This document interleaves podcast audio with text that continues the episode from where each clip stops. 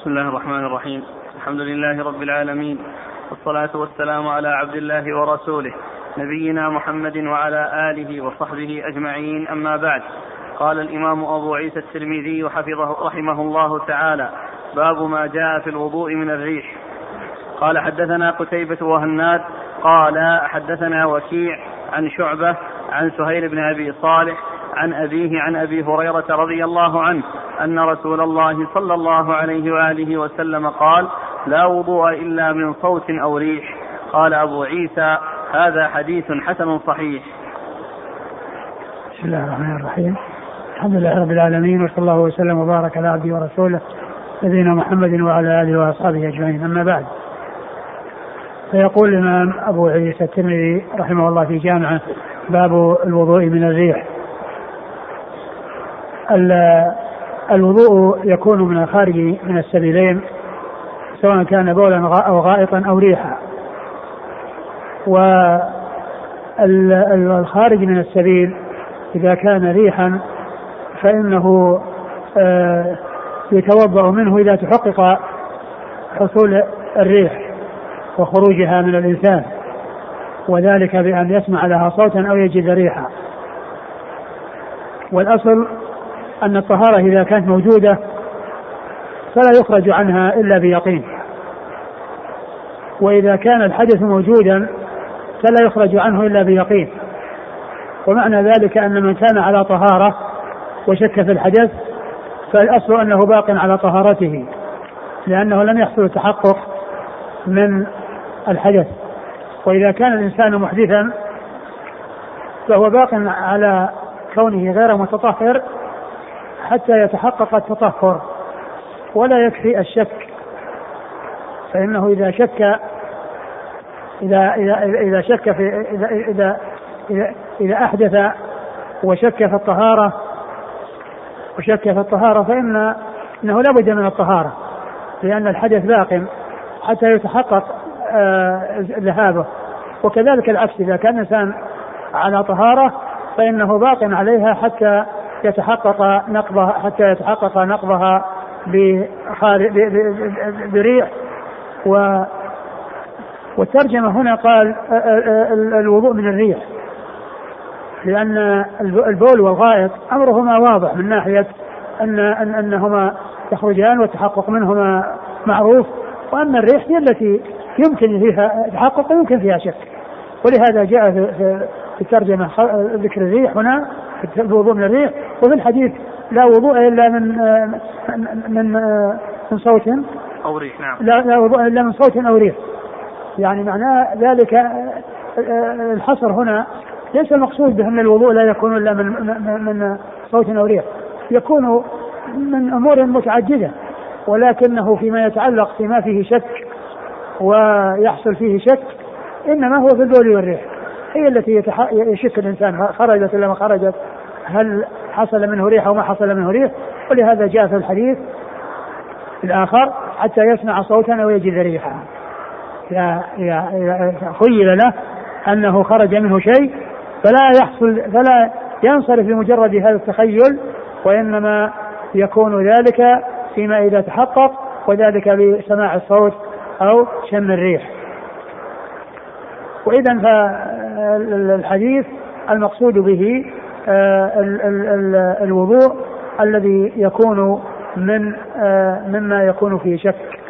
هذا هو المقصود من الحديث لا وضوء إلا من صوت أو ريح. أي تحقق الحدث بتلك الريح التي شمت أو الصوت الذي حصل للريح وسمع ذلك الصوت. فيكون المقصود في الحديث ما يعني يكون فيه شك. فلا فلا يخالف النواقض الأخرى التي هي البول والغائط. نعم. ثم إن الريح سواء كانت من القبل أو الدبر. سواء كانت من القبل أو الدبر. فإذا حصل ريح من القبل أو الدبر فإن ذلك آه، يكون ناقضا لأنه داخل تحت عموم قوله آه، حتى فلا ينصرف حتى يسمع صوتا. أو يجد أو يجد ريحا أو لا أو لا وضوء إلا من ريح من صوت أو ريح نعم قال حدثنا قتيبة قتيبة بن سعيد بن جميل بن طريف البغلاني ثقة أخرج له أصحاب الكتب الستة. وهناد وهناد بن السري أبو السري ثقة أخرج له البخاري في خلق أفعال العباد ومسلم وأصحاب السنة. عن وكيع عن وكيع بن الجراح الرؤاسي الكوفي ثقة أخرج له أصحاب الكتب الستة. عن شعبة عن شعبة بن الحجاج الواسطي ثم البصري وهو ثقة أخرج له أصحاب الكتب الستة. عن سهيل عن سهيل بن أبي صالح وهو صدوق أخرجه أصحاب الكتب الستة والبخاري أخرج له تعليقا ومقرونا. عن أبيه عن أبيه وهو أبو صالح آه، مشهور بكنيته واسمه ذكوان ولقبه السمان ويقال الزيات وهو ثقة أخرج له أصحاب الكتب الستة. عن أبي هريرة عبد الرحمن بن صخر الدوسي صاحب رسول الله صلى الله عليه وسلم وأكثر أصحابه حديثا على الإطلاق رضي الله عنه وأرضاه. قال أبو عيسى هذا حديث حسن صحيح.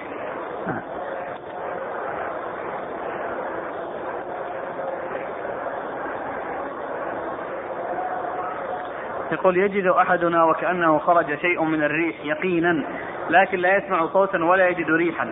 فهل طهارته باقية بناء على هذه الأحاديث؟ نعم. يقين يعني ما يتحقق ما يتحقق بال- بالشم وبالصوت. نعم إذا إذا عرف أنه خرج منه وتحقق ذلك لأن الإنسان قد لا يكون يسمع وقد لا يكون يشم وحكمه أنه إذا تحقق الشيء إذا تحقق الشيء أنه خرج منه فإنه آه، يتوضأ لكن إذا كذا خير الإنسان أنه خرج منه ها.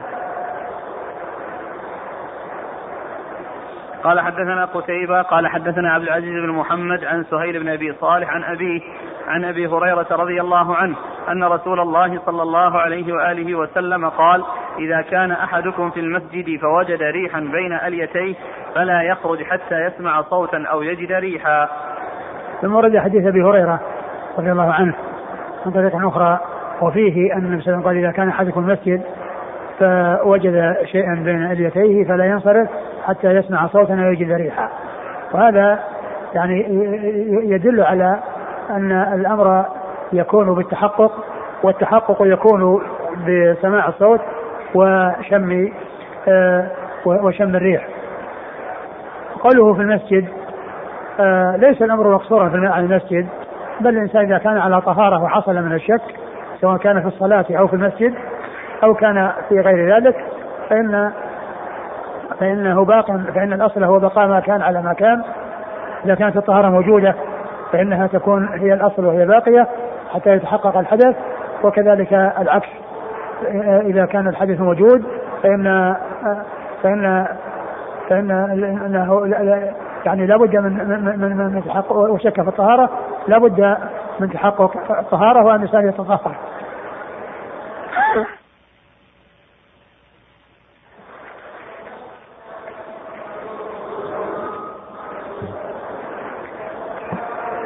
والتعبير بالمسجد يدل على أن من شأن الرجال أن تكون صلواتهم في المساجد ولا تكون في البيوت وذلك أن الجماعة واجبة عليهم. وهذا بخلاف النساء فإن صلاتهن في بيوتهن خير لهن وإذا حضرنا المسجد آه، صلينا مع, مع, مع الرجال. وأما الرجال فيجب عليهم أن يأتوا إلى المساجد وأن يصلوا فيها لأنه قد وردت الأحاديث الكثيرة آه، في وجوبها. من سواء كان فيها هم بالتحريق أو بيان أوصاف المنافقين أو يعني آه، عدم الترخيص لمن كان يعني أعمى. كل هذه نصوص ثابتة عن رسول الله صلى الله عليه وسلم تدل على تعين الجماعة ووجوبها على الرجال. والله عز وجل آه، آه، في حال الجهاد يعني شرعها شرعها حتى في حال الخوف وفي حال الشدة الإمام يقسم الناس إلى مجموعتين يصلي بمجموعة أول الصلاة ثم تتم لنفسها ثم تأتي المجموعة الثانية فيصلي بها آخر الصلاة ثم يتمون لأنفسهم ثم يسلم بهم كل هذا يدل على أهمية الجماعة وعظم شأنها نعم قال حدثنا قتيبة عن عبد العزيز بن محمد عبد العزيز محمد الدراوردي ثقة صدوق أخرج صدوق أخرجه أصحاب الكتب الستة. عن سهيل عن أبيه عن أبي صالح. وقد مر ذكره. عن سهيل عن أبيه. إيه سهيل بن أبي صالح عن أبيه عن إيه؟ عن أبيه عن أبي هريرة. نعم. نعم.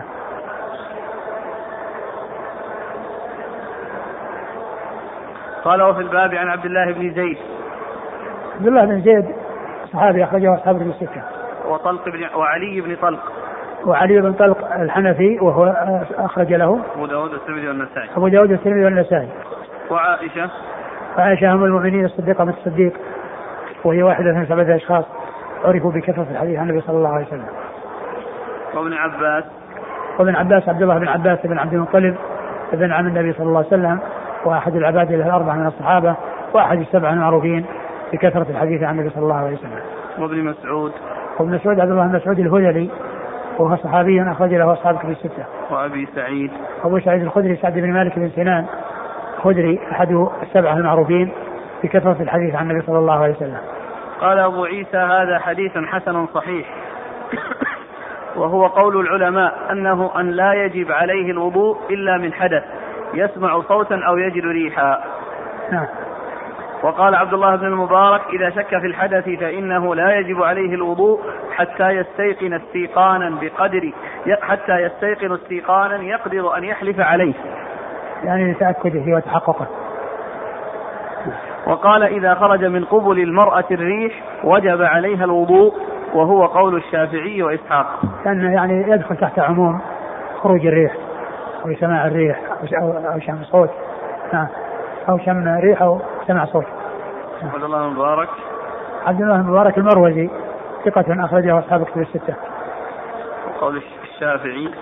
الشافعي محمد بن إدريس الشافعي أحد أصحاب المذاهب الأربعة المشهورة من مذاهب السنة. وحديث أخرجه البخاري تعليقا وأصحاب السنة وإسحاق وإسحاق بن إبراهيم الحنظلي المشهور بالبراهوية ثقة أخرج له أصحاب كتب الستة إلا إلا ابن ماجه. يقول السائل فضيلة الشيخ أنا شخص شكاك كثير الشك وفي وسواس وأكثر من الوضوء وقد لا يتجاوز بضع دقائق فيوسوس لي أنه خرج مني الريح فما العلاج؟ العلاج إنك لا تلتفت للوسواس. وتقبل على طهارتك وبعدما تفعل الشيء تجاوزه وإذا عاد إليك الشيطان وقال لك إنك ما فعلت فلا تلتفت إليه واعتبر إنك فعلت ولا تجعل للشيطان سبيلا عليك لأنك إن آه إن استسلمت وانقدت له فإنك لا يستقر لك قرار ولا يهدأ لك بال بل تكون دائما في شك ودائما في حيرة. وقد يفوت عليك آه الصلاة بسبب آه افتتانك بالوضوء وهل توضأت أو ما توضأت هل فعلت أو لم تفعل فالإنسان يقبل على عبادته ولا يلتفت إلى الوسواس بعد ذلك. ثم عليك أن تستذكر أن أن المسلمين هم بخير. وأنه وأنه وأنه ما حصل ما, ما حصل لهم الذي حصل لك. ومعنى ذلك أن عليك أن تكون مثلهم. وذلك بأن تطرح الوسواس ولا تشغل نفسك به وتكون كغيرك من المسلمين الذين يتوضؤون ويصلون ولا يحصل عندهم هذا الوسواس.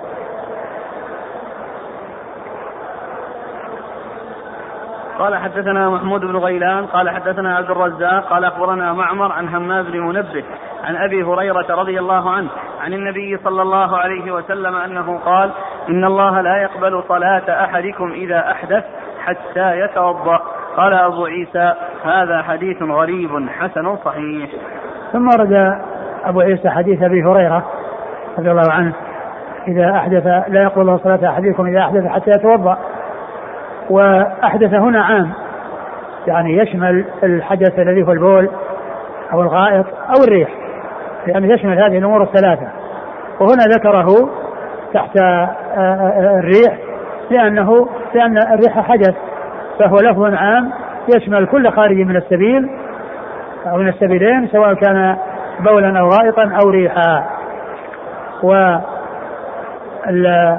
والحديث سبق أن مر الحديث بمعناه وهو لا يقبل لا يقبل الله صدقة لا يقبل الله صلاة بغير طهور ولا صدقة من من غلول. وهو وهو أول حديث عند الترمذي. والقبول هنا المراد به نفي الأصل ونفي الصحة من أصلها. ومعلوم أن آثار الآثار مترتبة على الأصل.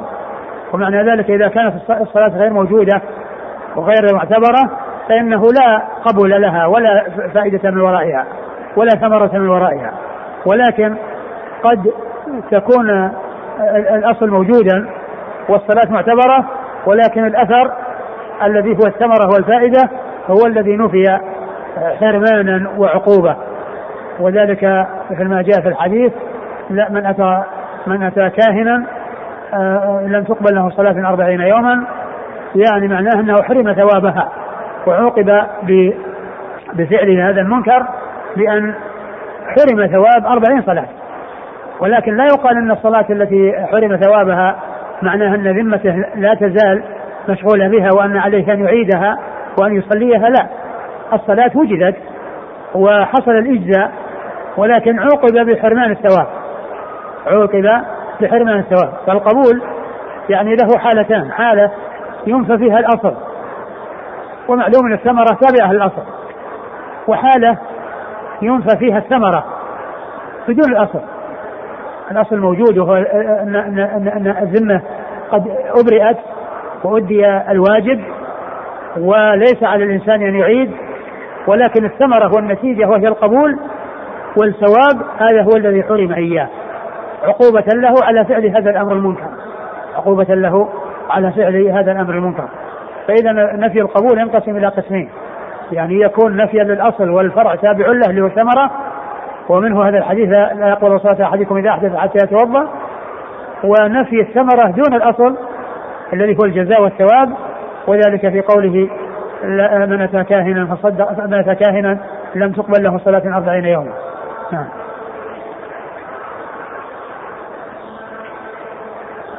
قال حدثنا محمود بن غيلان. محمود بن غيلان ثقة أخرجه أصحابه في الستة إلا الترمذي. إلا أبو داود. إلا أبو داود. عن عبد الرزاق. عن عبد الرزاق. عبد الرزاق بن من همام الصنعاني اليماني ثقة أخرجه أصحابه في الستة. عن عن معمر. بن راشد الأزدي البصري ثم اليماني ثقة أخرجه أصحابه في الستة. عن همام منبه ثقة أخرجه أصحابه في الستة. عن أبي هريرة وقد مر ذكره. وهذا الحديث من صحيفة همام منبه. وقد مر حديث من هذه الصحيفة بهذا الإسناد. وشيخ الترمذي في هذين الحديثين لهذا الحديث والذي قبله محمود بن غيلان. يعني معنى ذلك أن روايته للصحيفة إنما هي من طريق شيخه محمود بن غيلان.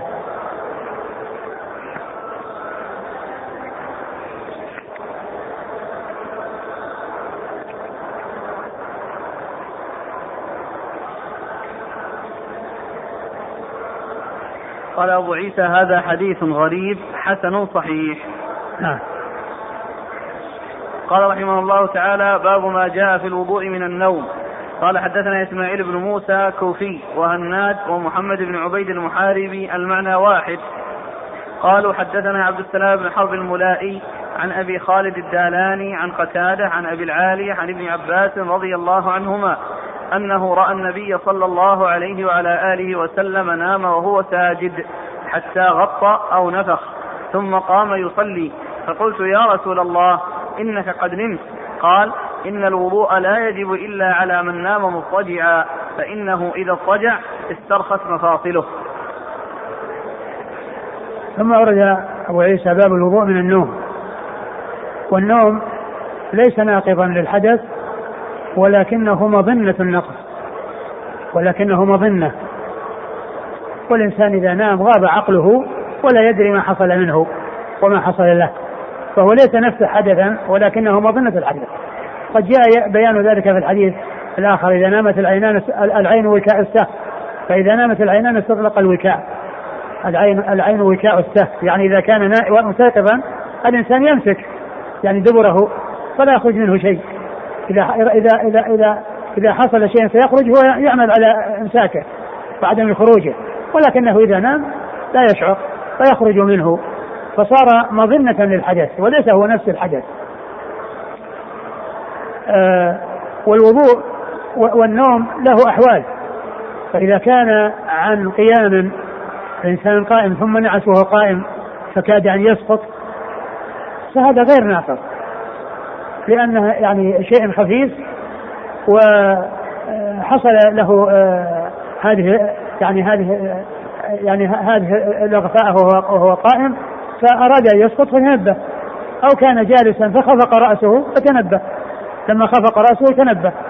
وأما إذا كان مضطجعا أو كان يعني متكئا متمايلا ويعني آه، آه، فإن هذا ينقض الوضوء.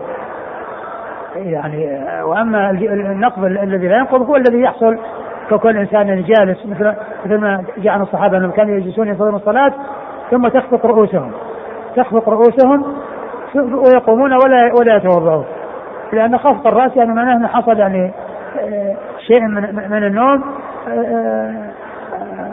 رأس الإنسان نزل فتنبه. فتنبه فذهب عنه النوم. فذهب عنه النوم فيكون ذلك ناقضا وعلى هذا فيكون النوم فيه تفصيل. إذا كان خفق رؤوس في حال جلوس أو كذلك حصل للإنسان نعاس وهو قائم مثلا يصلي أو يمشي فحصل له يعني شيء من النعاس فمثل هذا لا هذا لا يؤثر. وقد ثبت عن الصحابة رضي الله عنهم وأرضاهم أنهم كانوا ينتظرون صلاة العشاء فتخفق رؤوسهم وهم جالسون فيقومون يصلون ولا يتوضؤون. وأما إذا كان الإنسان متكئا معتمدا أو يعني آه، مضطجعا أو متمايلا وأخذ في النوم الغطيط لا شك أن هذا ينتقض وضوءه لأنه مظنة للحدث والحديث الذي أورده آه، أبو أبو عيسى رحمه الله عن عن ابن عباس. عن ابن عباس رضي الله عنهما أن النبي صلى الله عليه وسلم يعني نام وهو ساجد وقام ولم يصلي وقال إن النوم إن النوم ان ان, أن النقض على من نام مضطجعا. هذا غير صحيح غير ثابت هذا الحديث. ولكن الثابت ان أنه إذا كان في حال قيام أو جلوس غير يعني متمكن بأن يكون يعني آآ آآ مثلا محتبيا جالسا محتبيا أو جالسا يعني آه، بدون احتباء ثم حصل خفق رأسه فإن هذا هو الذي باق على وضوءه.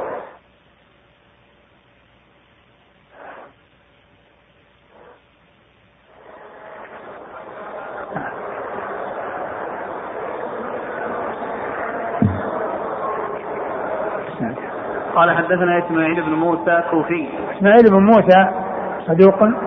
يخطئ. أخرج البخاري في خلق أفعال العباد. أخرجه البخاري في خلق أفعال العباد. وأبو داود والترمذي بن ماجه. وأبو داود والترمذي بن ماجه.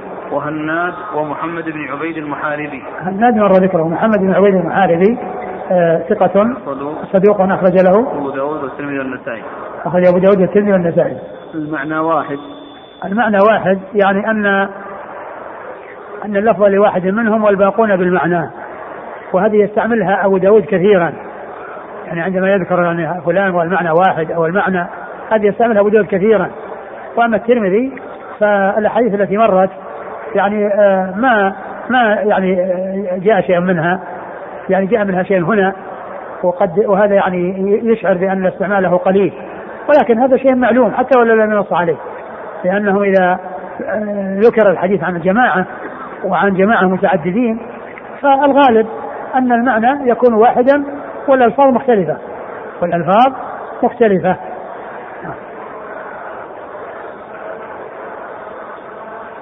عن عبد السلام بن حرب الملائي. عبد السلام بن حرب الملائي ثقة. أخرج له. أصحاب الكتب. أصحاب الكتب الستة. عن أبي خالد الدالاني. عن أبي خالد الدالاني وهو, وهو يزيد. بن عبد الرحمن. يزيد بن عبد الرحمن وهو صدوق. يخطئ كثيرا. يخطئ كثيرا. ويدلس. ويدلس أخرج حديثه. أصحاب السنن. أخرج حديثه أصحاب السنن. وهذا هو آفة الحديث. آفة الحديث هو أبو إسحاق أبو خالد الجعلاني. نعم. عن قتادة. عن قتادة من دعامة السدوسي البصري ثقة. أخرجه أصحاب كتب الستة. عن أبي العالية. عن أبي العالية وهو نفيع. رفيع بن مهران. رفيع. رفيع. نعم ابن رفيع ابن مهران. ابن مهران وهو ثقة. أخرجه أصحاب كتب الستة. عن ابن عباس. عن ابن عباس مر ذكره.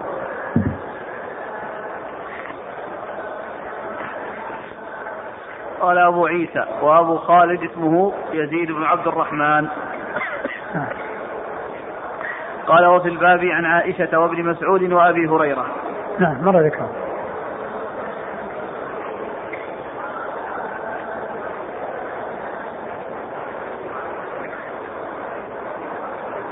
هذا الحديث لم يحكم عليه الترمذي فيقول السائل الإمام هنا الترمذي سكت عن هذا عن هذا الحديث. فهل هناك قاعدة تنضبط لنا في قضية سكوت الترمذي وماذا يقصد بها؟ هو هو ضعف في كتاب في كتاب العلل المفرد أقول تكلم عليه وبين ضعفه هناك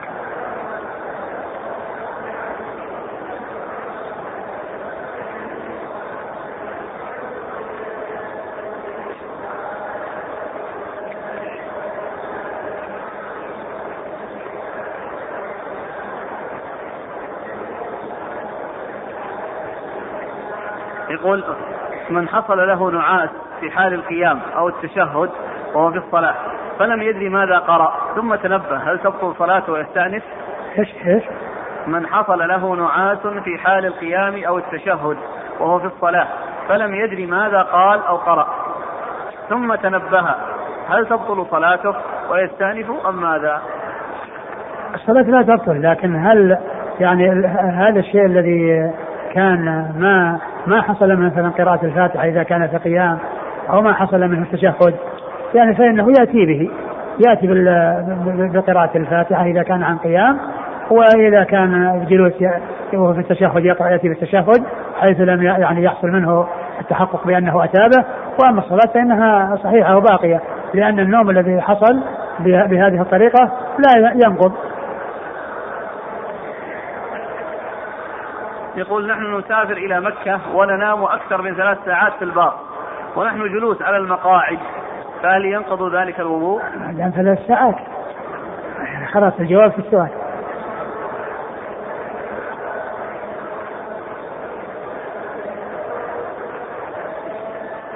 قال حدثنا محمد بن بشار قال حدثنا يحيى بن سعيد عن شعبة عن قتادة عن أنس بن مالك رضي الله عنه أنه قال كان أصحاب رسول الله صلى الله عليه وآله وسلم ينامون ثم يقومون فيصلون ولا يتوضؤون. ثم ورد أبو عيسى حديث أنس بن مالك رضي الله عنه كان أصحابه صلى الله عليه وسلم ينامون ثم يقومون ويصلون ولا يتوضؤون. وهذا ليس المقصود به الإطلاق يعني في كل نوم وإنما هو مبين في بعض الروايات أنهم كانوا ينتظرون الصلاة. يعني جالسين ينتظرون الصلاة فتخفق رؤوسهم ثم يقومون ولا يتوضؤون ويصلون. هذا المقصود بالنوم. ليس المقصود به أي نوم. ليس المقصود به أي نوم وإنما النوم الذي لا يحصل معه نقض كحالهم والذي آه، كان يحصل منهم أنهم كانوا ينتظرون صلاة العشاء فتخفق رؤوسهم لأنهم يعني كانوا يتعبون في النهار وينامون وينامون في الليل. والسنة جاءت في أن العشاء لا ينام قبلها ولا يتحدث بعدها لأن النوم قبلها يؤدي إلى فواتها فهم لا ينامون قبل الصلاة ولكنهم يعني يأتون إلى المساجد فيجلسون ينتظرون الصلاة فيحصل عندهم نعاس وهم جالسون فتخفق رؤوسهم ويقومون للصلاة ولا يتوضؤون. إذا الذي حصل من الصحابة النوم هو الذي آه، في حال جلوسهم منتظرين للصلاة. فمثل هذا آه، هذا النوم هو الذي لا ينقض الوضوء. قال حدثنا محمد بن بشار محمد بن بشار الملقب بن دار البصري ثقة أخرجه أصحاب الكتب الستة بل هو شيخ لأصحاب الكتب الستة. عن يحيى بن سعيد يحيى بن سعيد القطان ثقة أخرجه أصحاب الكتب الستة. عن شعبة عن شعبة مر ذكره. عن قتادة عن أنس بن مالك. عن قتادة مر ذكره وأنس بن مالك هو خادم رسول الله صلى الله عليه وسلم وأحد السبع المعروفين بكثرة الحديث عنه عليه الصلاة والسلام ورضي الله عن أنس وعن جميع الصحابة أجمعين. قال أبو عيسى هذا حديث حسن صحيح. آه. يقول السائل سجدت وأنا أصلي مع الإمام ثم نمت حتى وكزني الذي بجانبي ففطنت فما الحكم؟ يعني مثل هذا يعني نوم خفيف لأنه ما دام يعني آه، بعد ما الناس قاموا وهو بقي بعدهم وكذا فذلك لا يؤثر. قال وسمعت صالح بن عبد الله يقول سألت عبد الله بن المبارك عمن نام قاعدا معتمدا فقال لا وضوء عليه. آه آه سألت عبد الله المبارك عن نعم. وسمعت يقول الترمذي وسمعت صالح بن عبد الله يقول سألت عبد الله بن المبارك عمن نام قاعدا معتمدا فقال لا وضوء عليه. يعني يعني معناه النوم الخفيف الذي يكون يعني عن جلوس. يعني قاعدا معتمدا معتمدا على عمود. لكنه إذا إذا طال المكت أو يعني آآ آآ تمايل حتى يعني صار كالمتكئ فيعني قد يسهل خروج الريح منه.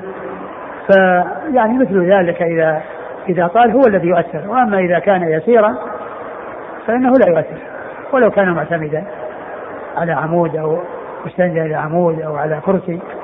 نعم. قال وسمعت صالح بن عبد الله. صالح بن عبد الله الترمذي آه ثقة أخرجه الترمذي. نعم. نعم. عن ابن عبد الله بن المبارك. نعم. قال أبو عيسى وقد روى حديث ابن عباس سعيد بن أبي عروبة عن قتادة عن ابن عباس رضي الله عنهما قوله ولم يذكر فيه أبا العالية ولم يرفعه. يعني هذه طريقة أخرى على أن الحديث من قول ابن عباس وفيه أيضا آه، عدم ذكر أبي العالية. نعم. روى حديث ابن عباس سعيد بن أبي عروبة. سعيد بن أبي عروبة ثقة اخرجه أصحاب كتب الستة. عن قتادة عن ابن عباس قوله. نعم. واختلف العلماء في الوضوء من النوم فرأى أكثرهم ألا يجب عليه الوضوء إذا نام قاعدا أو قائما حتى ينام مضطجعا. وبه يقول الثوري وابن المبارك وأحمد.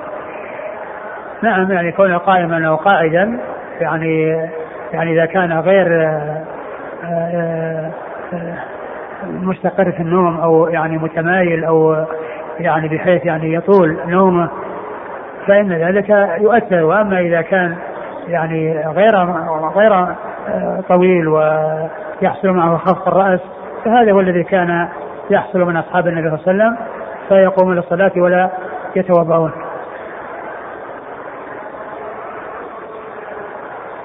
من إذا نام قاعدا أو قائما حتى ينام مضطجعا. لا يجب عليه الوضوء إذا نام قاعدا أو قائما حتى ينام مضطجعا. يعني النوم مضطجع هذا هو, هو النوم في الأصل أن الإنسان ينام مضطجع.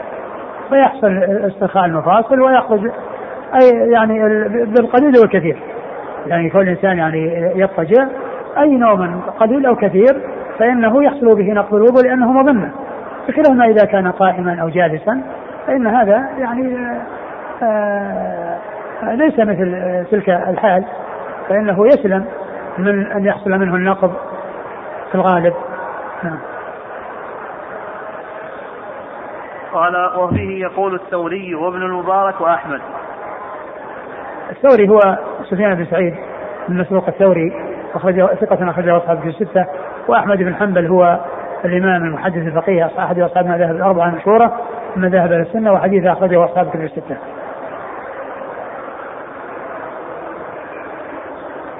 قال وقال بعضهم إذا نام حتى غلب على عقله وجب عليه الوضوء وبه يقول إسحاق.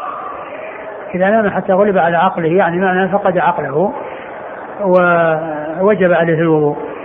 نعم. إسحاق بن راهوية مر ذكر وقال الشافعي من نام قاعدا فرأى رؤيا أو زالت مقعدته لوسن لوسن النوم فعليه الوضوء. وهذا أيضا من التفصيل في مسألة الجلوس إذا رأى رؤيا يعني معناه ذلك أنه نام وكذلك أو يعني آه، أو إيش؟ من نام قاعدا فرأى رؤيا أو زالت مقعدته أو زالت مقعدته يعني يتحرك يعني عن هيئة الجلوس بحيث يعني يتمايل بسبب النوم نعم فإنه ينقض نعم. بوثن النوم فعليه الوضوء نعم.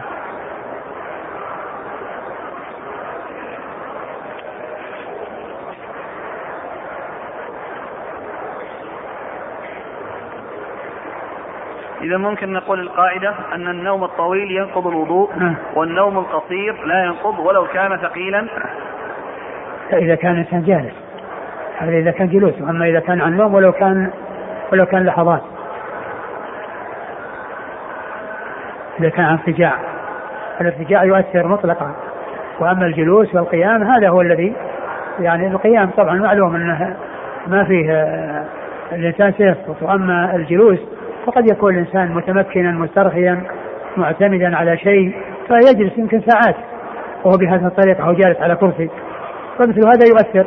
وأما إذا كان يعني جالس مثل الإنسان جالس ينتظر الصلاة ثم يعني يأتيه النوم فيخفق رأسه فيتنبه ويزول عنه النوم بخفق الرأس فهذا هو الذي لا يؤثر. كيف توجه رواية الإمام مسلم ينامون حتى تخفق رؤوسهم؟ هذا هو. هل ظاهره الاستغراق في النوم؟ لا. لا ليس استغراقا في النوم. لأنهم جالسين فتخفق رؤوسهم. قوله صلى الله عليه وسلم العين وشاء السهل فمن نام فليتوضأ. ألا يلغي اعتبار الجلسات سواء كان قاعدا أو قائما وإنما العبرة بالنوم فمن نام فليتوضأ. هذا الحديث دل على أن النوم مظنة الحدث ولكن الاحاديث الأخرى فصلت في النوم. الاحاديث الأخرى فصلت في النوم الذي يحصل معه آه، آه، النقض والنوم الذي لا يؤثر. ألم يثبت عن النبي صلى الله عليه وسلم أنه كان يضطجع بعد ركعتي الفجر؟ إلا كان يضطجع ولكنه لا ينام. إذا نام وتكرر خفقان رأسه فهل هذا ناقض أو يعتبر نوم نوم لا. مستغرق؟ لا أبدا لأن النقض لأن الخفقان ينتبه الإنسان إذا خفق رأسه ما يستمر في النوم ينتبه. ثم قد يعود له الخفقان مرة ثانية فلا لا يؤثر. لأن تعدد الخفقان يعني معناه أنه في صحو بين خفق الرأس في صحو ولكن يصحو ويكون مستيقظ. ما هو باستمرار نايم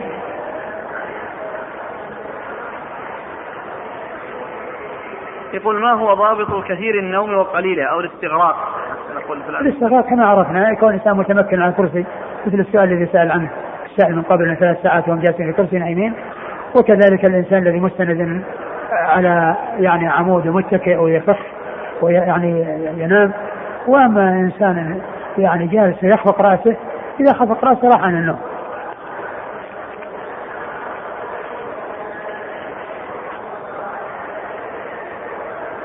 يقول ما رأيكم لو قلنا الضابط في النوم الناقض للوضوء هو النوم الذي يفقد معه الشعور. وأما الذي لا يفقد معه الشعور فلا ينقض. الإنسان إذا نام أي نوم فقد الشعور. يعني ما النوم غلب عليه ولكن هذا النوم يعني ما يحصل معه مكت يعني جالس يخفق رأسه أو نايم واقف يعني يكاد يسقط. فيعني فيكون خفيفا جدا وقليلا جدا. يقول جاءت رواية عند البزار وصحها الحافظ في الفتح والشيخ الألباني غفر الله له في تمام منة أن من الصحابة من كان يتوضأ ومنهم من لا يتوضأ ويضطجعون على ظهورهم. فيكون المعنى أن منهم من ينام ويسمع لهم غطيط ومنهم من كان ينعس خاصة أن الرواية فيها يضطجعون على ظهورهم وهي عند البزار. إيش إيش؟ جاءت رواية عند البزار. صححها الحافظ في الفتح والشيخ الألباني غفر الله له في تمام المنة أن من الصحابة من كان يتوضأ ومنهم من لا يتوضأ ويضطجعون على ظهورهم. فيكون المعنى أن منهم من ينام ويسمع لهم وطيط ومنهم من كان ينعس. خاصة أن الرواية فيها فيضطجعون على ظهورهم. يعني لا يبدو أن أن الخلاف يعني في نوم فيه اضطجاع. أو أن التفصيل يعني في نوم فيه اضطجاع لأن النوم الذي معه الاضطجاع هذا هو النوم الذي يكون معه يعني آه آه، استرخاء الإنسان واستقرار في النوم والقليل والكثير وإنما الكلام في الجلوس. لعل بعضهم كان يعني آه، إذا إذا حصل منه وهو جالس يعني لا تطيب نفسه إلا أنه يتوضأ. لكن كونه عن عن طريق النوم عن طريق الاضطجاع يعني يبدو هذا ان ان ان, أن الكل يتوضأ. اللهم إلا أن يكون يعني نوما اضطجاعا لا نوم فيه. يعني مثل مثل الاضطجاع يعني بعد ركعتي الفجر والإنسان يعني يضطجع ثم يقوم. أما وجود النوم مع الاضطجاع هذا مظنة خروج الحدث. قال رحمه الله تعالى باب ما جاء في الوضوء مما غيرت النار. قال حدثنا ابن أبي عمر قال حدثنا سفيان بن عيينة عن محمد بن عمرو عن أبي سلمة عن أبي هريرة رضي الله عنه أنه قال قال رسول الله صلى الله عليه وعلى آله وسلم الوضوء مما مست النار ولو من ثور أقط قال فقال له ابن عباس يا أبا هريرة أنا توضأ من الدهن أنا توضأ من الحميم؟ قال فقال أبو هريرة يا ابن أخي إذا سمعت حديثا عن رسول الله صلى الله عليه وآله وسلم فلا تضرب له مثلا. ثم ورد أبو عيسى رحمه الله باب الوضوء مما مست النار. آه أي الشيء الذي آه طبخ بالنار سواء كان لحما أو غيره ف وكان أول الأمر آه جاءت الأحاديث في آه الوضوء منه. كل شيء مسته النار وأكله الإنسان سواء كان لحما أو أو يعني أقطا أو يعني آه، آه، أي شيء آه، مسته النار فإنه يكون منه الوضوء فإنه يكون منه الوضوء بسبب الطبخ أو بسبب كون النار مسته ثم بعد ذلك نسخ وكان آخر الأمرين من رسول الله صلى الله عليه وسلم ترك الوضوء مما مسته النار لأنه ما كان ما كان يتوضأ. فدل هذا على أن مثل هذه هذه الأمور التي هي الوضوء من مسة النار كانت في أول الأمر ثم نسخت. ثم نسخت. وصار الحكم أنه لا يتوضأ مما مست النار. فيكون ذلك منسوخا. وقد جاءت الأحاديث في آه، الوضوء مسة النار وترك الوضوء من مسة النار. والمصنف عقد ترجمتين لهذا ولهذا وقدم ترجمة ما هو منسوخ واخر ترجمة ما هو ناسخ و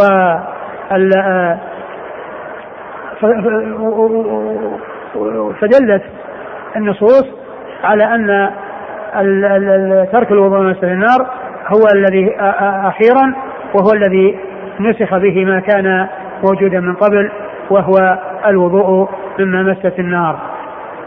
فأورد أبو عيسى رحمه الله تحت هذا الترجمة الحديث أبي هريرة. حديث أبي هريرة قال الوضوء.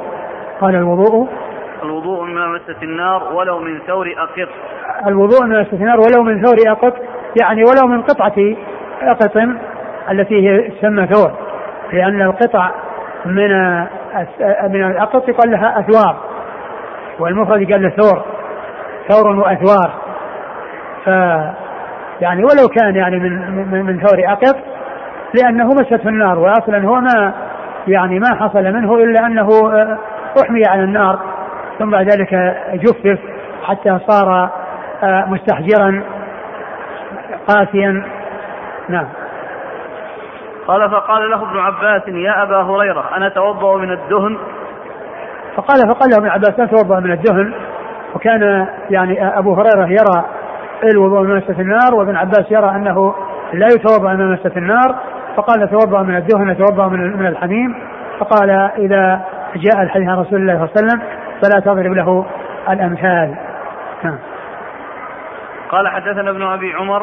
ابن أبي عمر محمد بن يحيى بن أبي عمر صدوق أخرج حديث البخاري أخرج حديث مسلم. والترمذي والنسائي بن ماجه. والترمذي والنسائي بن ماجه. عن سفيان. عن سفيان وابن عيينة المكي ثقة أخرجه أصحاب كتب الستة. عن محمد بن عمرو. عن محمد بن عمرو بن علقمة بن وقاص الليثي. صدوق أخرجه أصحاب كتب الستة. عن أبي سلمة. عن أبي سلمة بن عبد الرحمن بن عوف ثقة أخرجه أصحاب كتب الستة. عن أبي هريرة. عن أبي هريرة وقد يرى ذكره.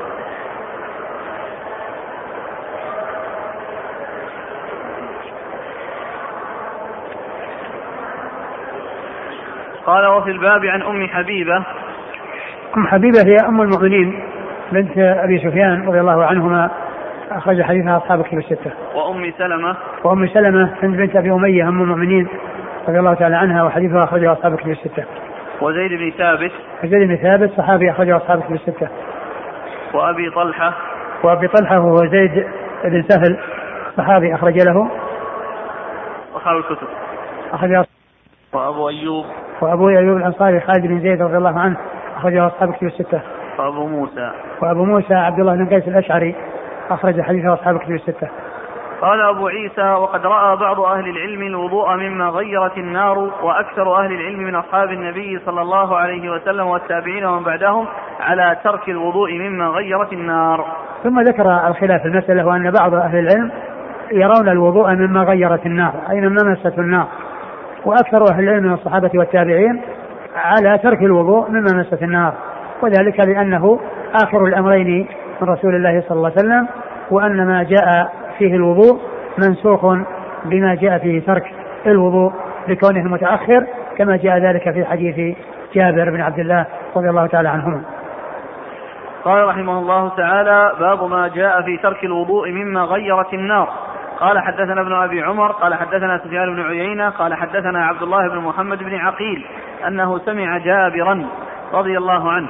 قال سفيان وحدثنا محمد بن المنكدر عن جابر رضي الله عنه أنه قال خرج رسول الله صلى الله عليه وآله وسلم وأنا معه فدخل على امرأة من الأنصار فذبحت له شاة فأكل وآتته بقناع من رطب فأكل منه ثم توضأ للظهر وصلى ثم انصرف فأتته بعلالة من علالة الشاة فأكل ثم صلى العصر ولم يتوضأ. أعد أعد عن جابر رضي الله عنه أنه قال خرج رسول الله صلى الله عليه وآله وسلم وأنا معه فدخل على امرأة من الأنصار فذبحت له شاة فأكل وأتته بقناع من رطب فأكل منه ثم توضأ للظهر وصلى ثم انصرف فأتته بعلالة من علالة الشاة فأكل ثم صلى العصر ولم يتوضأ. ثم ورد أبو عيسى باب, باب ترك الوضوء من مسة النار. وهذا يعني آه، عكس الذي قبله لأن اللي قبله وضوء وهنا ترك وضوء. وكان وكانت الأحاديث في ترك الوضوء ناسخة لأحاديث الوضوء مما مست النار لكونها آخر الأمرين من رسول الله صلى الله عليه وسلم. قد أورد أبو عيسى حديث جابر بن عبد الله أنه كان مع النبي صلى الله عليه وسلم فجاء إلى أمرأة فذبحت له آه، شاة وقدمت له طعاما ثم إنه أكل منه ولم وتوضأ ثم بعد ذلك أن صلى يعني يعني أعطته علالة يعني بقية يعني من من ذلك فأكل وصلى ولم يتوضأ فصلى ولم يتوضأ.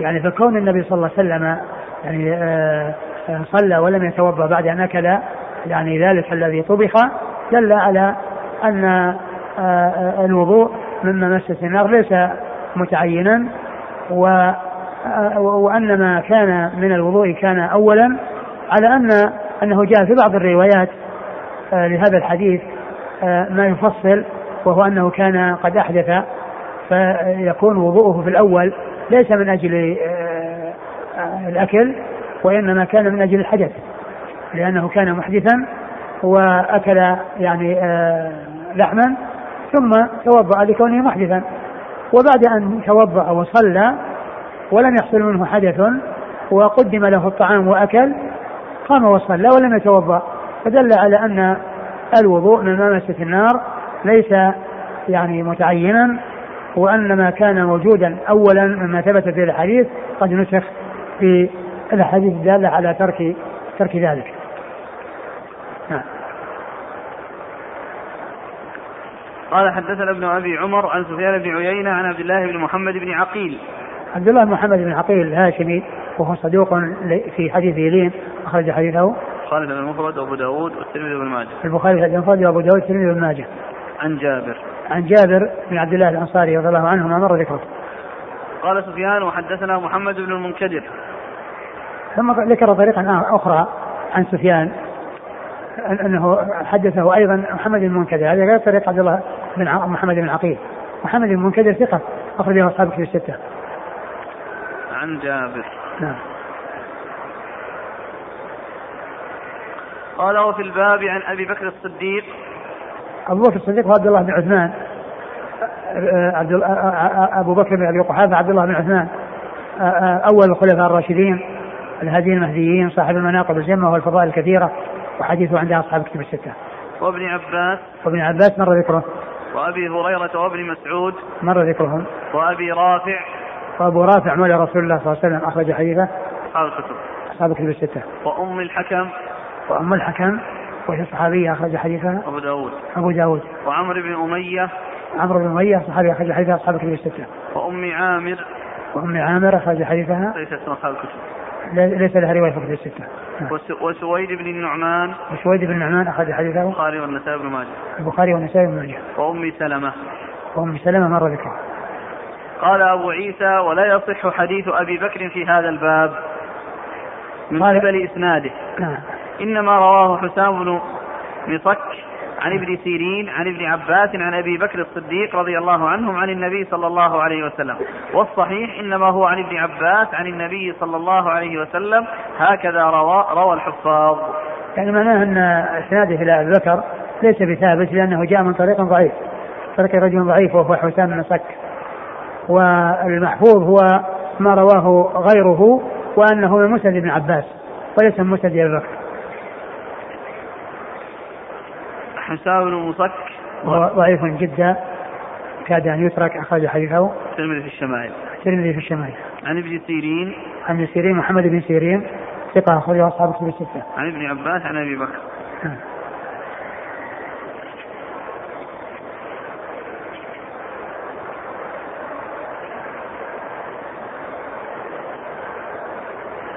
حديث أبي بكر. قال إن النبي صلى الله عليه وسلم نهى شاء من كتف ثم صلى ولم يتوضأ أخرجه أبو يعلى والبزار وفيه هشام بن مصك وقد أجمعوا على ضعفه كذا في مجمع الزوائد قال وروي من غير وجه عن ابن عن ابن سيرين عن ابن عباس عن النبي صلى الله عليه وسلم. نعم من مسند بن عباس. ورواه عطاء بن يسار وعكرمة ومحمد بن عمرو بن عطاء وعلي بن عبد الله بن عباس وغير واحد عن ابن عباس عن النبي صلى الله عليه وسلم لم يذكروا فيه عن أبي بكر الصديق يعني وهذا أصح.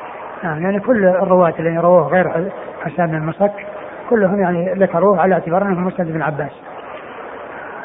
عطاء بن يسار عطاء بن يسار ثقة أخرجه أصحاب الستة. وعكرمة وعكرمة هو بن عباس ثقة أخرجه أصحاب كتب الستة. محمد بن عمرو بن عطاء محمد بن عمرو بن عطاء ثقة أخرج أصحاب كتب الستة. وعلي بن عبد الله بن عباس. وعلي بن عبد الله بن عباس ثقة أخرج له. البخاري المفرد ومسلم وأصحاب السنة. البخاري المفرد ومسلم وأصحاب السنة. قال أبو عيسى والعمل على هذا عند أكثر أهل العلم من أصحاب النبي صلى الله عليه وآله وسلم والتابعين ومن بعدهم مثل سفيان الثوري وابن المبارك والشافعي وأحمد وإسحاق رأوا ترك الوضوء مما مست النار. هذا أكثر أهل العلم من الصحابة والتابعين ومن بعدهم رأوا ترك الوضوء مما مست النار لأن ذلك منسوخ. وهذا آخر الأمرين من نعم. رسول الله صلى الله عليه وسلم. يعني أنه توضأ مما مست النار وثم إنه في آخر الأمر ترك الوضوء مما مست النار فكان الترك ناسخا للفعل. وكأن هذا الحديث ناسخ للحديث الأول حديث الوضوء مما مست النار.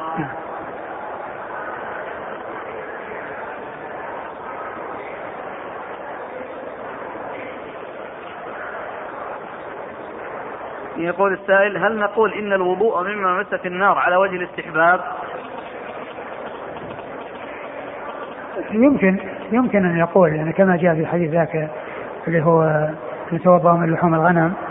فقال إن شئتم يعني إن شئتم يعني ما ما منعهم ولا أوجب عليهم ولكن الوجوب ليس بواجب. ما ذكره الشيخ أحمد شاكر قال اختلف العلماء في وجوب الوضوء مما مست النار والذي نرجحه ونذهب إليه عدم الوجوب إلا في لحم الإبل وأن أحاديث الرخصة ناسخة للأمر السابق لها بإيجاب الوضوء منه وقد تأول بعض أصحابنا من أهل العلم أحاديث الرخصة بأنها ليست نصا في نسخ الأمر لاحتمال أن يكون النبي صلى الله عليه وسلم فعل ذلك خصوصية له. ويرد عليه أن الخصوصية لا تثبت إلا بدليل صريح.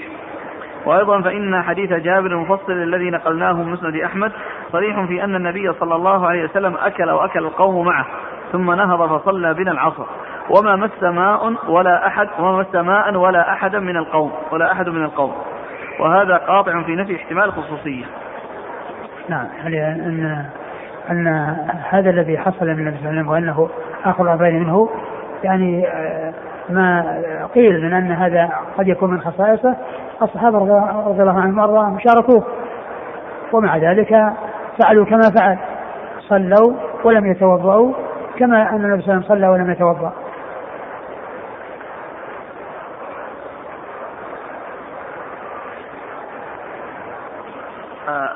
هناك من أهل العلم من يرى أن المسألة ليست على سبيل النسخ وإنما على سبيل الوجوب والاستحباب فهذا ينقل عن شيخ الإسلام أن قوله كان آخر الأمرين ترك الوضوء قال لا يدل على النسخ بل يدل على نزول الحكم من الوجوب إلى الاستحباب. فما رأيكم في هذا القول؟ على كل يعني هذا هذا قول آخر. ولكن ولكن المهم في الأمر أن أنه قبل ذلك كان الوضوء متعين وبعد ذلك آه ترك. ولكن هل ترك يعني وبقي الاستحلال أو ترك نهائيا؟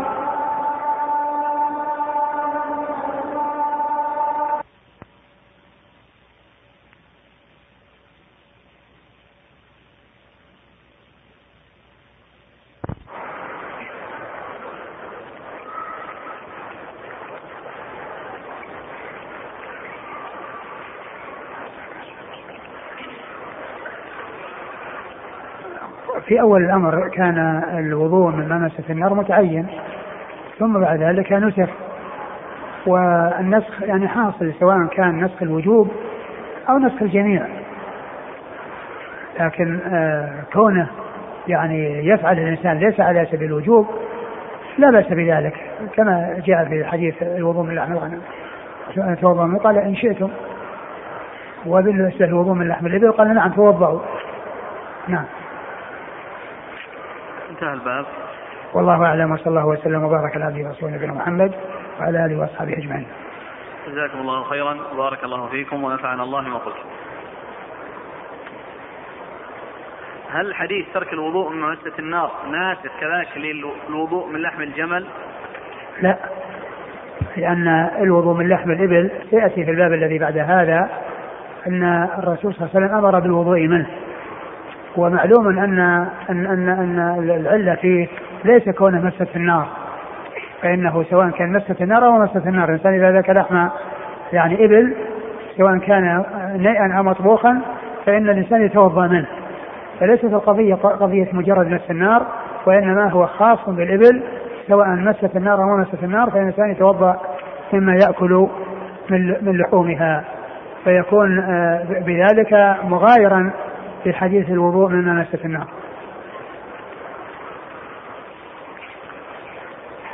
في الحديث أن النبي صلى الله عليه وسلم دخل على امرأة من الأنصار وذبحت له شاة. يقول ففيه هل فيه الدخول النبي صلى الله عليه وسلم على امرأة وليس في بيتها محرم؟ ما ما يدل على ما يدل على أنه ليس في بيتها أحد. ومثل مثل هذا الكلام. أقول ما يدل. ثم أيضا آه ال ال آه قضية آه الرسول يعني قد يدخل يعني كما جاء في حديث حرام. بنت ملحان لكن القضية كونه دخل على امرأة مجرد يعني هذا اللفظ لا يدل على عدم وجود أحد عندها قد يكون عندها ولد ولكنها هي صاحبة الدعوة صاحبة المكان وأولادها تبع لها. وهل فيه دليل على تقديم المرأة الطعام للضيوف؟ المرأة لا لا تقدم الطعام للضيوف وإنما يقدم الطعام الرجال للرجال. وأما النساء فتقدم للنساء. و آه، آه، كونها يعني آه، تدعو ويكون عندها محارم وأقارب يتولون أو هي تقرب لهم لكنها لا تختلط بهم لا تختلط بهم. ويمكن أيضا يعني ما ثبت من ذلك يكون قبل قبل الحجاب. هل يكتفى بالمضمضة؟ بعد الأكل مما مست النار أم يصلي ولا يتمضمض؟ إن تمضمض فهو حسن كما جاء في الحديث شرب لبنا وتمضمض وقال إن له دسما وإن لم يتمضمض يصح لا بأس. ولكن كل إنسان يعني يزيل يعني الذي في فمه وأثر الزهومة والدهن يعني من فمه حتى لا يحصل شيء في فمه يشغله لا شك أن هذا هو الأولى. يقول السائل حفظك الله. تنتشر في بلادنا عادة في كل ليلة من النصف من شعبان حيث يخرج الأطفال من بيوتهم ويطوفون على الأحياء السكنية فيعطونهم شيئا من الطعام والمكسرات والنقود. فما رأي فضيلتكم بهذا العمل؟ وهل يعتبر بدعة أم هي من العادة؟ تخصيص ليلة من الليالي أو يوم من الأيام بشيء لم يرد فيه خصوصية في السنة عن رسول الله صلى الله عليه وسلم من الأمور المحدثة. فلا يخص أو تخص ليلة النصف من شعبان ولا يوم النصف من شعبان بخصوصية لا بقيام ولا بصيام. لا تخصص بقيام ولا بصيام ولا باحتفال. وإنما ال ال الواجب هو الوقوف عند النصوص ولم يأتي شيء يدل على أن الناس يعملون أعمالا في مثل هذا اليوم وهذه الليلة. ولشيخنا الشيخ عبد بن باز رحمة الله عليه رسالة في هذا آه، في مجموعة مع ضمن مجموعة من الرسائل بعنوان التحذير من البدع ومنها ما يتعلق بليلة نصف شعبان وما يتعلق بليلة الإسراء والمعراج وما يتعلق بالمولد النبوي وما يتعلق بالرؤيا المكذوبة المنسوبة إلى خادم الحجرة حجرة الرسول صلى الله عليه وسلم التي فيها افتراءات وكذب. آه هذه الرسالة جمعت بين هذه الرسائل الأربع التي هي التحذير من البدع. هل الماء المتساقط من المتوضئ تغيرت أحد أوصافه حتى يقال أنه لا يجوز الوضوء به؟ ما يقال أنها تغيرت أوصافه ولكن يقال أنه رفع به حدث. رفع به حدث فلا يرفع به حدث آخر. وهذا شبيه يقول هل يوجد دليل على ما ذهبتم إليه في الدرس السابق أن الماء المستعمل لا يجوز الوضوء به. المستعمل أنا قلت الذي هو آه كون الإنسان يتمضمض ثم يمج مضمضته في الطشت ثم يستنشق ويضع ما يخرج منه في طشت ثم يغسل وجهه ويبسط الماء في الطشت ثم يغسل يديه والماء في الطشت ثم يغسل رجليه والماء في الطشت ثم يأتي واحد يتوضأ من الطشت. هذا هو الذي أقول إنه لا يتوضأ به لأنه رفع به حدث لأنه رفع به حدث هو لا شك ماء لا يقال أنه خرج عن مائيته ولا ولكن كونه طهور آه، حصل التطهير به. هو هو في الأصل طهور ولكن حصل التطهير به. فلا يتطهر به بعد ذلك. أنا ما أعلم نص خاص يعني يدل على ذلك لكن الذي يعلمه أنه رفع به حدث فلا يرفع به حدث آخر. يقول أحسن الله إليك بالأمس ذكرتم أن دم ما يؤكل لحمه نجس. لو بينتم لنا هذا بالتفصيل هل نجازته مطلقا؟ آه ال ال ال الدم السائل الدم السائل يعني معلوم أن اكله حرام وشربه حرام لأن الله مما حرمه الله عز وجل. ولكن الدم الذي يكون مع اللحم فهذا تابع للحم.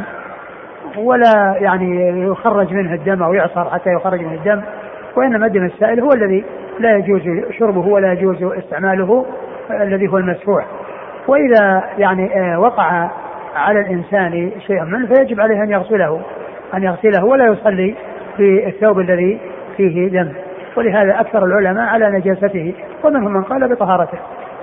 جزاكم الله خيرا وبارك الله فيكم ونفعنا الله ما قلت.